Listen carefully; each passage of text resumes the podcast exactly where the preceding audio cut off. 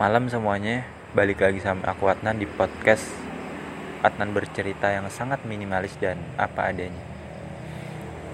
Tadi aku udah cerita tentang Malioboro dan keistimewaannya. Kali ini aku mau cerita tentang pengalamanku melihat dan mengamati orang-orang yang pacaran.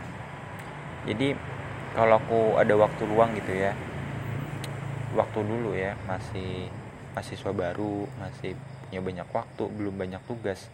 Kayak sekarang itu aku sering banget jalan-jalan terus udah biasa gitu lihat orang pacaran. Bahkan jangankan di Malioboro atau di mana pun deh di mana ya kalian tahu fakultas di setiap fakultas tuh pasti ada orang pacaran. Ya, tentu di tempat sepi. Atau di Wisdom Park ya taman kearifan. Itu kan luas banget ya.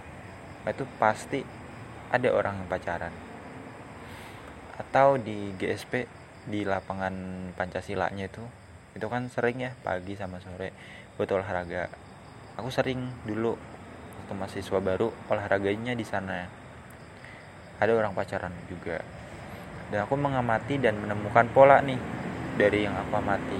Orang-orang pacaran tuh begini yang pertama yang aku nggak tahu ya apa yang mereka obrolin karena aku cuma melihat cara sekilas saja gitu. Karena nggak sopan juga kan. Tiba-tiba tanya gitu. Takutnya mengganggu aktivitas pacaran mereka.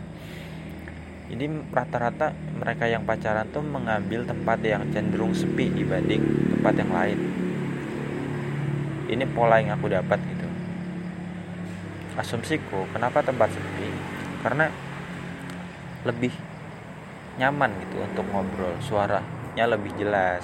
Dia ngomong apa jelas. Apalagi perempuan itu kan suaranya agak kecil ya. Lembut dan dan apa ya? Bisa dibilang kalau laki-laki itu lebih keras lebih tegas. Beda sama perempuan. Jadi kalau nggak di tempat sepi tuh nggak bisa dengar kalau aku pribadi. Kecuali perempuan itu teriak atau ngomongnya dengan suara yang agak kencang. Itu terus ya lebih romantis saja tempat yang sepi itu. Tapi ada juga sih orang yang nekat di tempat yang rame kayak tempat makan atau restoran burjo dan sebagainya. Jadi sepi atau rame itu sebenarnya bukan masalah untuk orang pacaran. Yang penting mereka berdua aja nggak ada obat nyamuk istilahnya. Yang kedua mereka pasti ngobrol. Entah apa yang mereka obrolin tentu macam-macam. Mungkin tentang kehidupan pasti tentang kabar masing-masing ya tentang kesibukan masing-masing gimana atau mungkin mereka saling curhat. Kayak apa ya?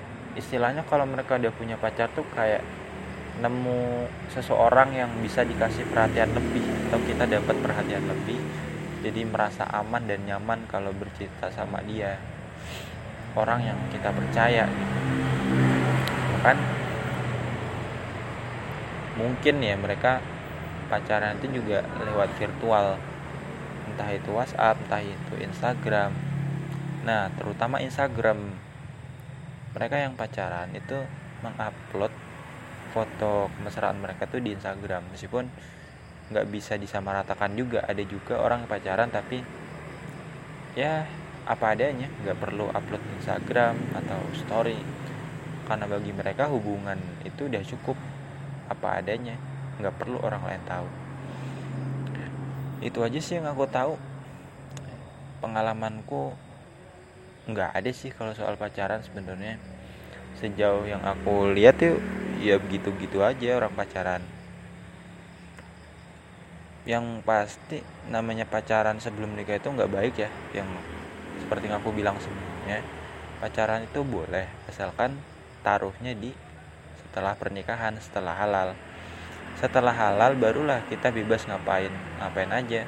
Mau berduaan di tempat sepi mau hubungan intim atau ngobrolin yang ringan sampai yang berat apa pun itu perjalanan jauh bahkan menginap.